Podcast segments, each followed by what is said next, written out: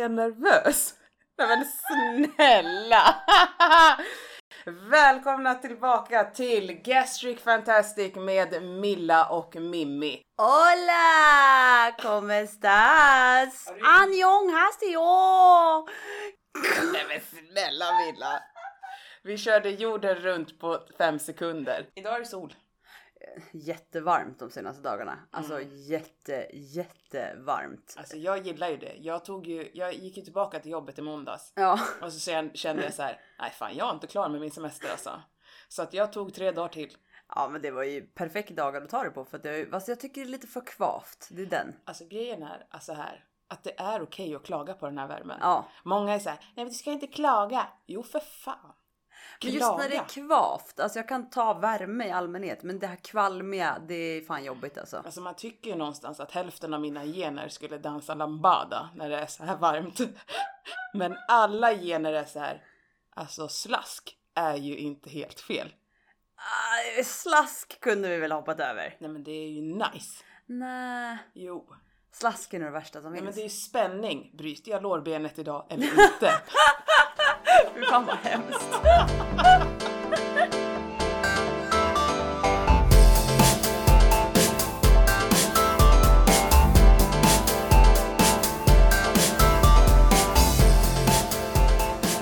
Nej men hur mår vi? Ja, men, eh, jo, men, jo tack. Mm? Det, det, är, eh, det är bra. Vet du vad jag kom på? Nej, nej. Jag kom på så här. Att jag är så jävla självupptagen. Fy fan vad hemsk jag är som människa. Nej, men- Jag frågade ju inte hur du mådde förra avsnittet. Jag Jag pratar ju bara om mig själv. Ja men för fan. Milla, hur mår du? eh, lite sisådär. Min katt är ju svinsjuk. Eh, så att ja, så det är lite sorgligt. Det krossar ens hjärta. Eh, så att mina, min mage och min IBS är väl lite sisådär. Och nu tryckte jag också rågbröd här hemma hos dig. Så vi får väl se om vi behöver ta en paus sen. Alltså jag är ju så dålig på att köpa icke fullkorn. Jag ber så hemskt mycket om ursäkt. Ja, Jag får väl nästan börja ta med mig. Jag kan inte begära att du ska köpa mat som jag kan äta. Alltså jag har ju mjöl och jag vet att mjöl och vatten blir ju typ bröd. Så att om du vill kan jag ju baka bröd till dig. Jag mår, jag mår bra, men det är mycket nu. Eh, och det är stressigt och det är skolan och jag har inte pluggat som jag borde och ja, du vet. Milla. Ja, ja, men det har varit soligt och varmt och skönt och sen så har det varit podden och sen så vart katten sjuk och så ja, du Jag vet. säger ju det, det ska vara slask. Ja, ja. Men hur mår du Mimi? Jo tack Milla. Jag mår, jag mår faktiskt eh, bra. Jag hade en liten sån här eh, i natt ångest episod. Det var jättejobbigt. Men det är för att jag känner mig stund, stundvis väldigt ensam och det spelar liksom ingen roll om jag har folk kring mig eller om jag har saker att göra, tusen bollar i luften. Jag känner mig ändå liksom ensam och det är ju någonstans för att jag inte är van att vara med mig själv. Mm, Förstår du vad jag jag, menar? fattar. Så att, och jag tror att ensamhet är ju lite grann sådär att om du inte är van att vara med dig själv och dina tankar så försöker du hela tiden och distrahera dig med event, vänner och sen när du är, och då kan du känna dig okej i stunden. Men när du blir själv sen med dina tankar, med dina känslor, det är svårt. Jag tror att det är många som är väldigt ensamma. För ensamheten, om man inte är van vid den eller kan hantera den så blir den väldigt påtaglig. Ja, Jag fick bekräftelse ganska snabbt av eh, folk som jag själv bryr mig om. ja, Eh, så att eh, ångesten dämpades eh, någorlunda. ja, Men, eh, men just att där fick jag ju bekräftelse på att jag är inte ensam. mm, Men jag fick också eh, en bekräftelse till mig själv att jag inte är van att vara i min ensamhet. precis. Så att det måste jag träna på. Ja, men det kommer. Alltså, det, det är mycket som har hänt nu på senaste för dig på kort tid. Så att jag menar, det där, allt sånt där kommer ju successivt. Och där kommer ju mitt bekräftelsebehov in. Ja, Och jag har ju, som min samtalsterapeut har berättat för mig, extremt bekräftelsebehov. Och det handlar egentligen, alltså mitt bekräftelsebehov handlar ju inte om att berätta för mig att jag är vacker, berätta för mig att du tycker om mig, berätta för mig, utan mitt bekräftelsebehov är lämna inte mig. Separationsångest liksom. Ja, eller alltså jag är rädd för att bli lämnad och exkluderad. Ja, Jag är väldigt noga i vissa eh, sammanhang med att tänka på hur jag uttrycker mig för att jag inte ska bli exkluderad av personen som jag vill ha en relation med. Och det är det jag försöker jobba bort nu, att alltid våga vara mig själv i alla situationer. Men jag kan märka ibland att jag kväver mig själv för eh, beroende på hur personen reagerar med minspel och kroppsspråk. Ja, precis. Om jag säger någonting, eller jag är en sån som helt plötsligt kan börja dansa liksom. Mm. Eh, om jag märker då att det rynkas på ögonbrynen eller att jag får någon mikrouttryck i, i ansiktet på personen som, som jag är i närheten av så kan jag direkt säga, nej men jag bara skojar. Okej, ja. Lite så också att du vill vara till lags Mm. blir det ju på ett sätt då också liksom. Ja, och det kan jag faktiskt känna igen mig också. Alltså, Mm. för att jag kan ju vara väldigt mycket eh, väldigt extrovert, väldigt mycket så. Eh, och jag kan ju ibland också dämpa mig för jag märker att oh, det gick inte hem här liksom. Och då, ja, men då försöker jag vara till lags. Eh, och då blir man ju också en people pleaser där igen för att jag menar eh, då dämpar jag ner på vem jag är för att jag ska se bra ut inför andra. Eh, för att de ska tycka om mig. Typ. Ja, eller att man inte ska bli exkluderad. Jag Ja. tror att det är det som är grejen. För att om det hade varit en människa som jag inte bryr mig om att starta en relation med Mm. så hade jag inte brytt mig om den personen eh, tyckte att det var okej eller inte. Men när jag känner så här, dig vill jag hänga med, dig vill jag ha liksom på något sätt i mitt liv. Mm. Då skannar jag. Oj, oj, oj vad jag analyserar och skannar efter minsta lilla uttryck. Jag var på min första typfest och eh, utomhusfest och sen så typ var det stod jag typ själv och, och så var det en kille som kom fram till mig och började prata med mig och min tanke är inte så här gud vad roligt att han kommer fram. Det är vart står hans gäng nu och skrattar för att det här är ett prank. Att han kommer fram nu för att alltså du vet så här, för jag, så jag satt och försökte scanna av området. Va? Nu ska de göra mig till åtlöje. Mm. Vart är hans kompisar? Var har de slagit vad om? Vad, du vet för att det, det är ingen som kommer fram och pratar med mig. Och det, så var det inte alls det. Han ville ju komma fram och prata med mig, men det var ju det som var alltså. Så jag förstår den här känslan och så här. Man hela tiden bara såhär nej. Varför skulle någon? Vadå? Nej, jag förstår inte. Alltså förstår du? Det är så här och därefter det så har ju också mitt bekräftelsebehov bara expanderat liksom. Ja, herregud, man är så jävla trasig. Ja, nej men alltså det är så jävla tragiskt också. Ehm, och jag har sagt lite den här, det har gjort mig till den jag är idag. Alltså jag kanske är lite mer hårdhudad. Men, eh, eller när du säger hårdhudad, Mm. är det så då? Nej, alltså jag är ju en crybaby egentligen. Nej men Men inte att det är crybaby, att det är något fel med liksom att, att, att gråta, det är fantastiskt. Men jag tänker, jag har också haft den där, men jag har skinn på näsan, jag kan ta det. Ja, Men sen har jag ju issues när jag är själv. ja, nej men alltså, ja, jag förstår din tanke. Jag tror att jag är hårdhudad på ett sätt, men jag tror jag också är väldigt emotionellt rubbad på ett, alltså förstår du, på ett annat sätt. Så att jag kan nog ta mer än vad jag tror. Men sen så kanske det också tar mer på det emotionella. Först, förstår du min liksom, tanke? Mm. Så att jag tror jag pallar tryck mer på ett sätt. Men, och jag, men jag kan också bearbeta det bättre emotionellt. Men ändå så blir jag ju ett emotionellt vrak. Alltså, Där är ju det där som jag kommer ihåg att jag sa till dig en gång så här att när du får en, en kommentar eller liksom att du får någonting som många kan skoja bort som ett skämt när man visar att man inte uppskattade det som sades. mm, Eh, för ibland kan folk säga saker och, och då är jag ganska snabb. Tidigare har jag varit snabb med att bli förbannad. mm, Men idag är jag så här, vad menade du med det du precis sa? Vad var meningen med den kommentaren? För den förolämpningen som de har försökt att lägga till som ett skämt blir ju de liksom called on. ja, Och det är såhär, nej men jag skämtade bara. Ja fast det var ju inte roligt. Nej men alltså, vad, det, ja, men vad menade du? Vad var meningen? Vad ville du att jag skulle känna när du säger så? Att om man gör den Milla, då får du ju bort att du behöver vara hård och stå emot som ett bollplank. Och du lägger över det på personen som har tilldelat dig förolämpningar som de kallar för skämt. Ja, det måste jag nog bli bättre på för jag tror att jag antingen så så eh, blir taggarna utåt eller så är jag väldigt bra på bara eh, stänga. Alltså bara så här. Ja men bara så här. Nej, jag, du, jag tänker inte svara dig. Jag vill inte ens så nu och så, så tar jag det i mig själv. Ja, Ja, och så snurrar det där inne Ja. och sen så, ja, men lägg tillbaka det på personen jag vet. Jag måste bli Ja. bättre på det här och utan att göra det passivt a- aggressive. Ja, ja, ja. Alltså. Ja, jag har bara fått en sån här sen. Vad menade du med det du precis sa? Det är jättepedagogiskt. Hur ville du att jag skulle känna när du sa sådär? Alltså på tal om eh, krogen, alkohol och Mimmi. Och vi kan minimagar också och bekräfta, vi slänger in allt där. Helvete vad jag har supit den här sommaren. Nej men snälla Milla.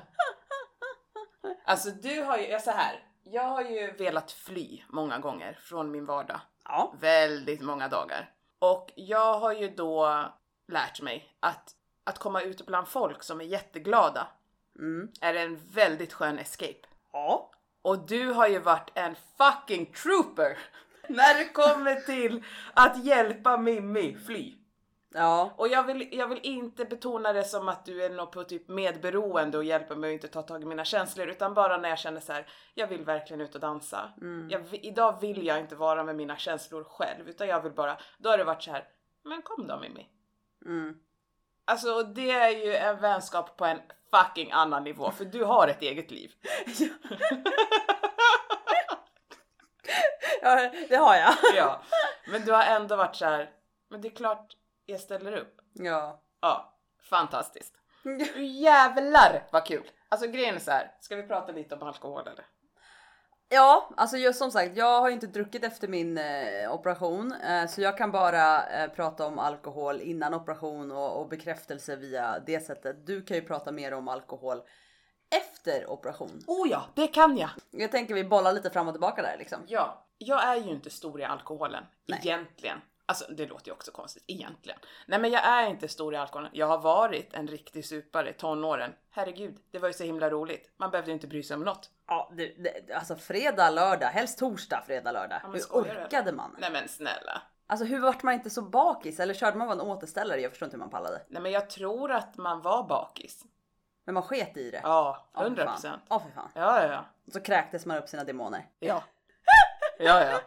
Nej men jag, jag, det är klart att man var bakis, men på den tiden så räckte det ju med en kebabrulle och så var det bra. Ja. Åh, vad gott. Ja men förstår du?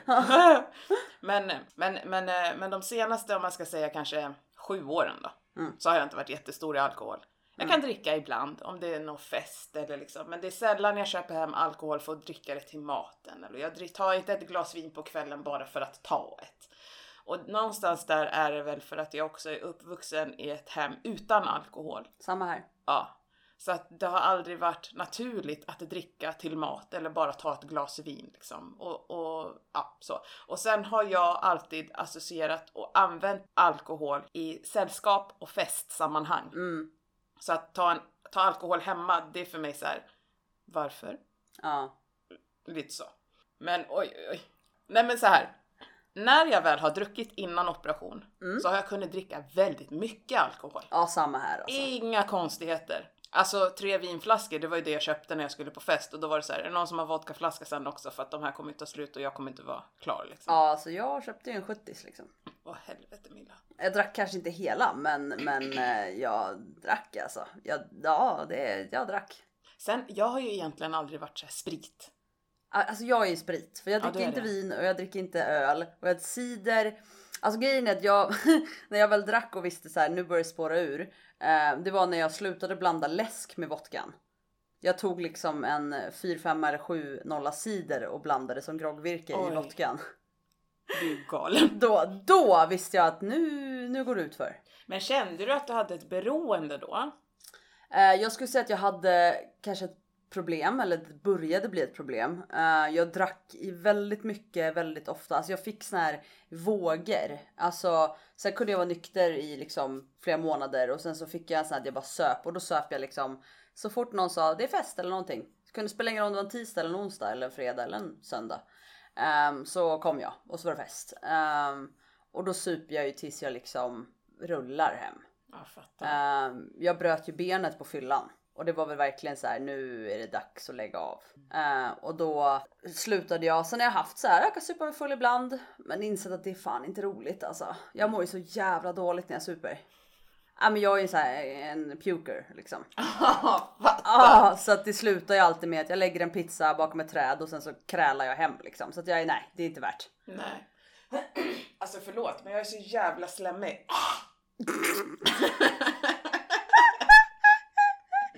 det är propadden.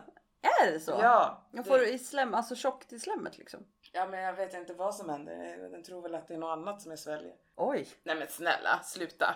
Okej, nej men så. Så här då, alkohol. Problemet nu, efter min härliga gastric bypass, är ju att jag kan inte spy. Så jag måste ju vara så jävla försiktig med hur jag dricker. Men vad är det du dricker nu? Är det, är det amaretto sour eller whisky sour som du är helt... Åh. Whisky sour. Ja, ja, men jag vet inte. Jag vet att den heter sour. Nej men jag dricker ju eh, whisky sour nu. Grejen är så här också. Nej men jag måste vara jättenoga med hur, vad och hur jag känner när jag dricker. Många tror ju att alla, alltså man tänker det finns ju en fördom som säger att alla som gör den här operationen blir alkoholister och det stämmer faktiskt inte. Det som är är att man definitivt, alltså absolut, och det kan jag prata från mig själv också, man blir så jäkla mycket känsligare mot alkoholen efter operationen.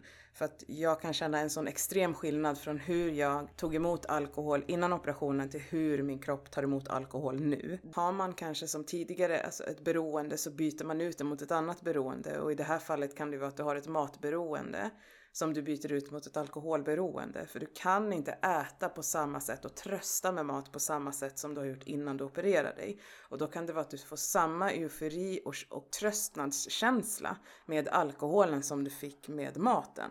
Jag bara gissar, det kan vara så. Men det är inte själva operationen som gör personerna till alkoholmissbrukare. Utan det kan vara så att man har haft ett missbruk innan och därför måste man vara väldigt noga med att förstå innebörden av vad de här operationerna har för effekt när det kommer till alkoholen. Och mycket av det är ju att när du till exempel gör en gastric bypass så kopplar du bort en väldigt stor del av din magsäck och i magsäcken så finns det ett enzym som hjälper till att ta upp och bryta ner alkohol. Det som händer istället är att mycket av den etanolen som finns i alkoholen går direkt liksom ner i tunntarmen. Du får mycket mer alkohol i blodet och det tar också längre tid för alkoholen att försvinna. Det finns flera publicerade medicinska studier som indikerar att alkoholens metabolism förändras efter en bariatrisk operation. Patienterna svarar ju olika, precis som vi svarar olika på operationerna så svarar vi olika på hur vi äter, vad vi äter, vad vi dricker och hur vi tar emot dricka. Så är det ju faktiskt. Men jag skulle ändå säga att det som jag har läst mig till och det som jag själv kan dra som slutsats är att man är väldigt mycket känsligare för alkohol när man har gjort den här operationen. Så att, eh, och det är ju att alkoholens nivåer i blodet blir högre och de stannar längre jämfört med samma nivå av alkoholkonsumtion före operationen. Det är därför man tror, enligt många av de här studierna, att alkoholkonsumtionen kan leda till alkoholmissbruk och beroende. Man måste också komma ihåg att det finns väldigt mycket kalorier i alkohol. Så alkoholkonsumtion efter en gastric bypass kan faktiskt leda till viktökning. Studier har föreslagit att alkoholkonsumtion associeras med högre kaloriintag. Men även om det är mycket kalorier i det så konsumeras det i form av vätska och det ger inte samma mättnadskänsla som kalorier från fast mat. Och det är därför det ibland kan vara nu pratar jag från mig själv. Det är därför det ibland kan vara lättare att dricka mer. Jag känner inte mättnaden. Så att jag har inga problem att dricka för jag blir i princip inte mätt på dricka så som jag blir mätt på mat.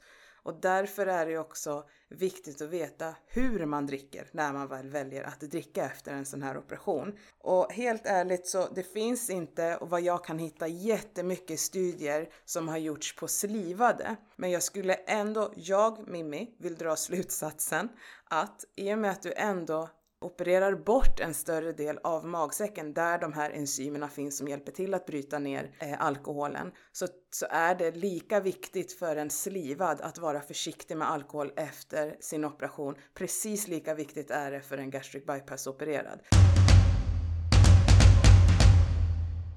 Ja, och det är det jag har märkt. För att jag blir full på tre sippar. Ja. Jag kan ta tre sips och så säger jag så här, Milla nu är jag full. Japp. Ja. Och sen brukar jag ju säga att om jag ska hålla den fyllan, då måste jag underhålla mitt drickande. Mm. Så att jag kan inte bara dricka det och sen inte dricka något mera. För då blir jag nykter efter en halvtimme. Exakt. Jag, jag känner mig nykter, men jag är säkert fortfarande väldigt påverkad. Ja. Men jag behöver fortsätta dricka med lagom tempo Mm. för att hålla den fyllan. Sen kan det ju bli så, som du har märkt också några gånger, att jag säger nej jag kan inte dricka nu. Jag måste vänta så att det går ur. Ja, för det har ju hänt. Då har du väntat en halvtimme, 40 minuter och sen kan du beställa något nytt. Ja, och det är för att det här, jag har ju sånt extremt kontrollbehov när jag är ute. Så att om jag känner att oj, nu satte jag foten och inte hade 100% balans, då är det så här, "Nej, stopp, Ja, nu går det inte mer. nej. För jag vet ju hur jag blir, och det har du ju märkt också nu här. När snubbarna kommer fram. Och det är inte min stil på snubbar. Men helt plötsligt så har de mitt nummer så du säger, men Mimmi du kan ju blockera numret. Han, du förstod ju, du vart ju stressad och nervös och bara ja vi kan byta nummer och sen så fick du panik och då tänk, tog han ju det som en invite. Men jag får ju alltid panik, jag har ju såna jävla issues när det kommer till män alltså. Ja och då samtidigt då så var det som att ja men alla som var där, alltså det är så sliskigt. För då blir det ju så här när du står och pratar med någon, då vart jag typ ett villebråd. Ja men jag såg det, alltså det var så sjukt. Du... Ja. Men vet du, vet du en grej som jag tror faktiskt att väldigt många tror när du och jag går ut? Uh-huh. Är att vi är lesbiska. Ja. Det var ju tre stycken som sa det sist. Japp. Ja men jag, äh, ni, ni är lesbiska. Jag bara, nej. Jag bara, jo. Jag bara, nej, jag- nej. Nej. Ja men jag trodde det. Varför då? Nej men för att ni inte pratar med män. Ja men vad fan. Ja, men också så här. Måste man gå ut för att prata med män? Ja tydligen. Är det inte, alltså vi går ju ut bara för att ha, skitkul med varandra och dansa och, och då blir jag så här. Så bara för att vi då nekar män så är vi lesbiska. Ja visst, då tycker vi om att slicka grotta liksom. Nej men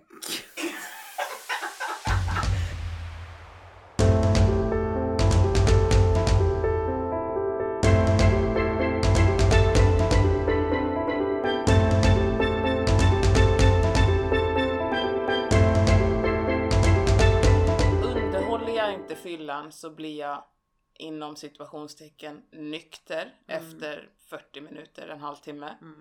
Men jag märker att jag vet och har märkt att om jag blandar under en kväll då slår det olika. I, alltså det kan komma som en smäll.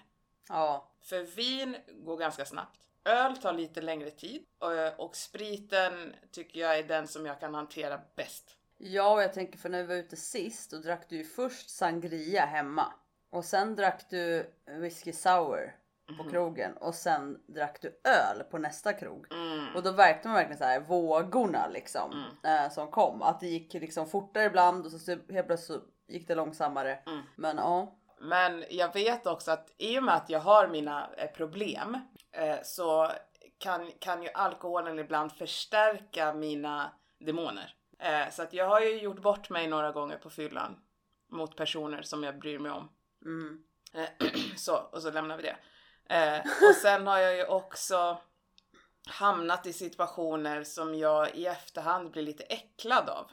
Okej. Eh, ja men när jag hamnar i fruängen till exempel, det är bara äckligt. Men alltså hur, hur kände du då? För jag tänker så här, det är ju, alkoholen har ju, har ju någonstans satt dig där också. Mm. Men blir det också så här att du litar på människor för snabbt där för att du, alltså förstår Det du vad är jag menar? klart jag gör. Mm. Jag är ju lite så här som människa också. Det är mitt största issue. Herregud. Nej men jag är ganska blåögd. Ja. Jag tror ju på människor. Och jag tror ju att alla vill mitt bästa. Mm. Om någon säger till mig, jag vill bara ditt bästa, då tror jag på det. Ja. För varför skulle de ha en anledning att ljuga? Nej jag fattar, jag är likadan. Jag har fått höra det större delen av mitt liv att liksom alla människor vill inte väl, även om de säger det. Du är för blåögd och naiv. Eh, det finns onda människor, alltså eller som bara vill, alltså de säger att de vill ditt bästa, men egentligen så vin, vill de vinna någonting på dig. Ja, nej men vet du Milla? Samtalsterapi är ju fantastiskt. Ja, det är det. För att jag såg, och han var ju så jävla snygg, men jag såg ju när vi var på East, han den Ja. här, äh, han hade ju så jävla många röda flaggor som man knappt såg honom. Ja, det var trianglar och hela faderullan Nej men det honom. första som händer är ju att det blir ett bord ledigt som vi sätter oss vid. Ja. Sen kommer han, ser ut som guden själv. Ja men jag tyckte han var så jävla snygg. Förlåt. Ah, Ja men jag tyckte han smaken var är som baken ja, delad. Ja men Ja. Han, det där var, åh i helvete vad snygg han var. Ja. Lång, biff, utan att vara för, alltså han var bara stor. Ja, ja exakt. Ja. Ja, mm. Och jag är så jävla svag för stora män alltså. ja. Bra. Och så sätter han sig ner och så säger han så här, det här är mitt bord. Mm. Ja, och jag var så här, ja, vill att, ska, ska dina polare komma tillbaka? För de blev precis utslängda. Vill du att vi ska gå? Mm. Han bara, nej sitt här. Jag bara, ja, okej. Men sen började jag märka att det kom förolämpning, efter förolämpning efter förolämpning och sen några komplimanger och sen kom det en förolämpning till. Så jag började så här, ja men han kanske inte menar det han säger. Det kanske inte liksom, han är full.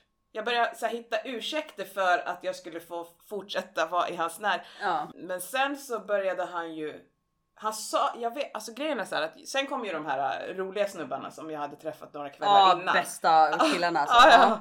Och de bara tja, ja skitsamma, de var ju så himla roliga så att ja. Men, och då tror jag att jag styrde konversationen till en av dem och sen hör jag bara hur du lackar ur.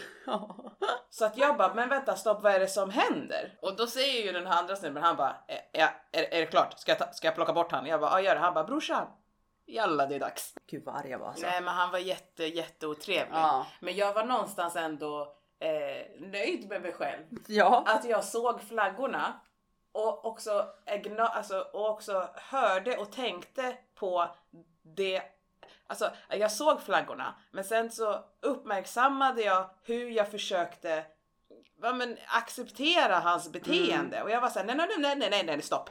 Ja. Hitta inte undanflykter för hans beteende. Exit. Cancel. Ha det bra. Hej. Och det är också för mig så här, alltså för mig är det också bekräftelse på för att du, du ställde dig bakom mig. 100 procent. Ja men det finns folk som inte har, alltså du vet som varit med så här, de fortsätter ändå och jag bara men så här, really? Alltså du vet. Mm. Så att för mig blev det så här, ja men då vet hon har min rygg. Jag bara och sen så sa jag förlåt om jag fuckade det där men jag tror jag Nej, duckade en kula. ja alltså grejen är att han var så, jag kan fortfarande tänka på hur snygg han var. Jösses Amalia.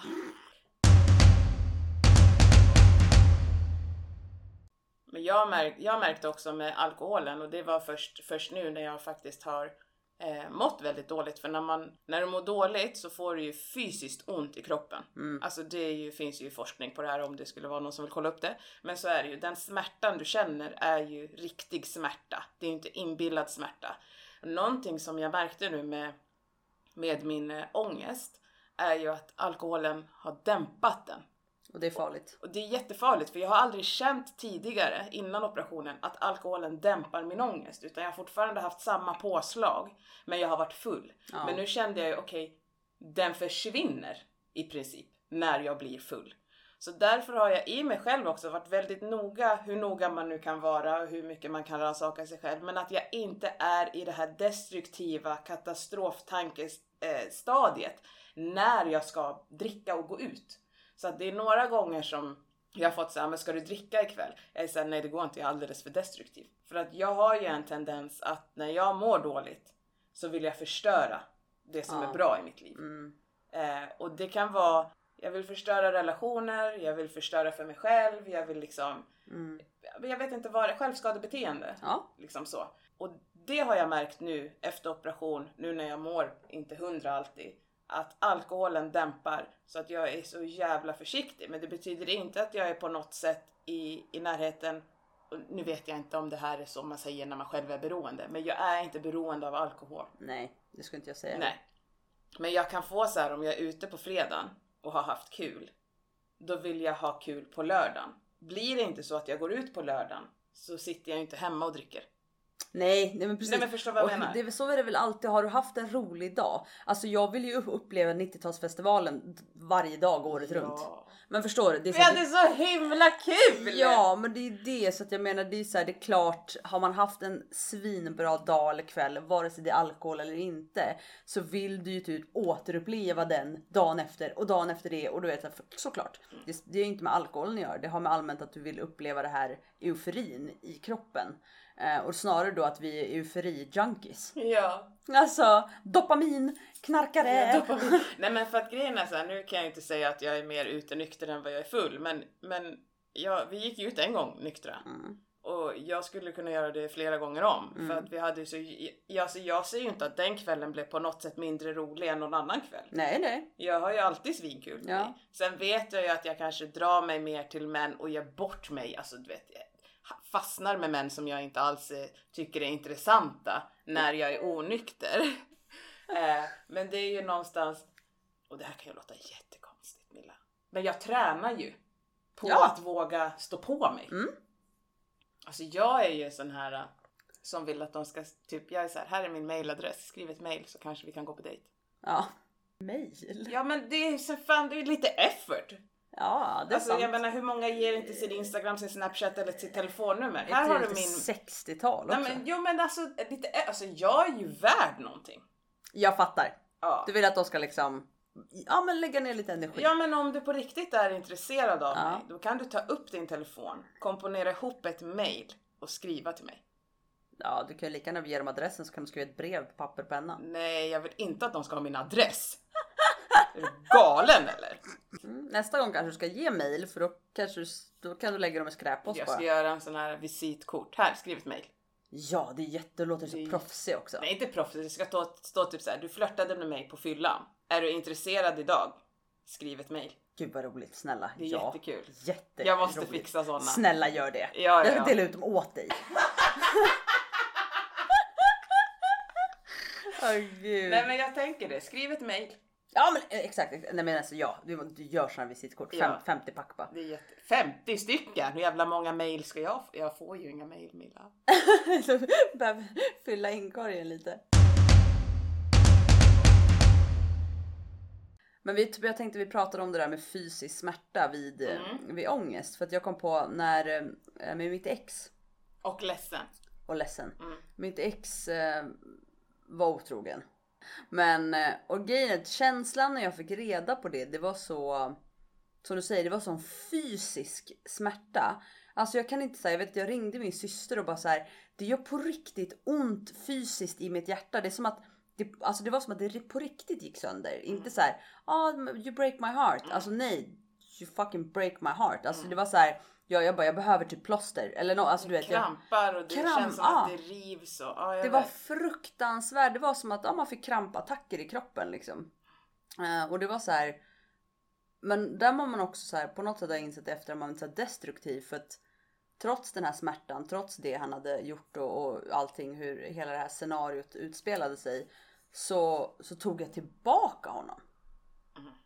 Man bara, för att vadå, jag tror att jag är värd bättre eller värd mer, förstår du vad jag menar? Så att då tog jag tillbaka honom efter ett tag. Och så var vi tillsammans ett tag till. Och sen ska han försöka göra slut, men det var han ju, kunde han ju inte ens göra. Så att då fick jag göra slut åt honom. Men det är ju så här, någonstans där i det destruktiva. Att jag är rädd för att bli lämnad ensam. Jag är rädd för att bli lämnad. Så att jag förlåter en otrohet. För att jag känner att ja, men jag kanske inte är värd så mycket mer. Så att jag går tillbaka till honom för att han, han, han ber ju på sina knän ändå. Och jag menar ja, jag är inte så bra på att vara ensam. Alltså någonstans. Och känna också här, visst. Då kanske jag var, jag var ju kär och så. Men någonstans blir jag så här. Var jag verkligen det? När han hade gjort mig så illa? Eller var det bara att jag var rädd? För att jag kanske inte får någon annan. Alltså förstår du min tanke? Och det är det som är så här. Och just så här fys, alltså man söker den här bekräftelsen och uppmärksamheten på fel ställen. Jag borde bara gått min väg där och bara så här. Och kom aldrig mer tillbaka. Så. Men eh, det gjorde jag inte. Ja nu höll det inte så länge ändå så men. Jag kan ibland tänka tillbaka och bara fan alltså att man inte bara såg sitt eget värde där. Sparkade honom i pungen och gick därifrån typ. Ja, men ibland kan det vara också så här att den långsammaste vägen är den snabbaste vägen till lycka. Ja. Och det kan ju också vara den ensammaste vägen. Mm. Ja det är sant. Alltså så att... Men det är svårt med... Det är svårt med otrohet. Mm. Alltså det är jättesvårt. Ja det är det. För, för någonstans så blir det ju att man förlåter ju kanske inte själva otroheten. Utan man vill tillbaka till det som var bra. Ja. Förstår du vad Ja, jag nej, menar? men jag, jag Ja. köper det. Jag köper det. Men någonstans måste man ju tänka då istället att jag lär mig hellre att leva i min ensamhet än att acceptera att ha dig kring mig. Ja. Men jag tror ändå att det är, alltså, det, men det är svårt. För som sagt, jag gick ju tillbaka och det är så här, det är ju, Det är jättesvårt. man, man, man tror inte på sig själv där tror jag. Nej, nej, nej, Ehm, nej.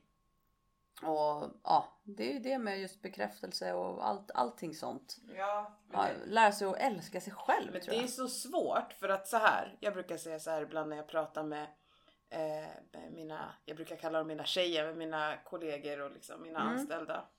Jag brukar säga så här, om du älskar dig själv 40% Mm. så kommer någon och älskar dig 50% Mm. eller 60% och du tänker så här: Oh my god! Ja. Den här personen lyfter mig till skyarna. Mm. Men det är väl mer än vad man älskar sig själv. Förstår du? Så du måste upp till 100 Mm. och personen som ska ha ens chansen Mm. måste upp på över 100. Exakt. Ja, nej. Punkt bara. Ja, det köper jag. Ja. Men är det inte lite så där, du vet så här, det finns något sätt. Om du inte älskar dig själv så är det svårt för någon annan att älska dig också. Nej, det är jättelätt för någon annan att älska dig, men de behöver inte lägga in lika mycket effort. Ja, i och för sig. Det, det. Ja. Exakt, sant, sant. För Ja. att då tänker du att Oh my god, han bar upp kassarna från hissen. Ah, vilken hjälte! Fuck you man, de ska ju upp. Nej men först, alltså det blir ju så skevt. Vad saknar ni mest att frossa i er av? Frossa. Alltså grejen är så här. Alltså nu blir jag ju så jävla tråkig direkt. Men frossa för mig är ju eh, lite triggande kopplat till min ätstörning som jag hade. Mm. Eh, Så jag saknar ju inte att kunna frossa. Men okej, kunna äta mycket av. Kakor. Kakor. Jag älskar kakor. Jag vill kunna äta både brag och kex, en bulle och sen brag och kex och lite kakor och så lite bullar och sen ännu mer och så mjölk på det och sen en bulle till men jag kan inte. Hur mycket kan du äta då? Alltså om jag köper en bulle på ett konditori där de Ja. är ganska stora, Ja. då kanske jag kan äta tills jag är mätt. Jag tycker inte om att berätta hur Ja, mycket jag kan sant. äta. Ja, nej, för jag tänkte typ så för jag kan ju lätt trycka par bra och kicks liksom. Ja men det kan jag också. Ja. Så skulle jag säga äta mycket av, alltså asiatisk buffé. Ah. Alltså på riktigt. Bara kunna plocka och inte bara säga okej jag tar de här vegetariska vårrullarna tre stycken. Nej men du vet jag bara ska kunna bara lassa på det. Nej för fan. Samtidigt så vet jag hur dåligt jag mådde, alltså även när jag hade vanlig mage. Av att äta en buffé för man åt ju tills det sprutade ur öronen. Nu kommer här ett tips från coachen. Mimmi heter hon och jag ska berätta hur ni ska göra om ni fortfarande vill frossa på en asiatisk buffé. Ni lassar upp på tallriken och sen när ni inte orkar äta mer så går ni fram till baren och säger hej, skulle jag kunna få en takeaway? Exakt, och det är så man gör nu. Eh, det är så man gör nu. Man tar takeaway alltid. Ja. Ja. Och jag tänker även på lunchbuffé. Ja. Lassa på tallriken och så begär du en takeaway. Då har du lunch tre gånger till kanske. Ja. Vem ska bestämma hur mycket du får lägga på din tallrik? Be om en takeaway, du har ju betalat för maten. Ja. Sant. Ja.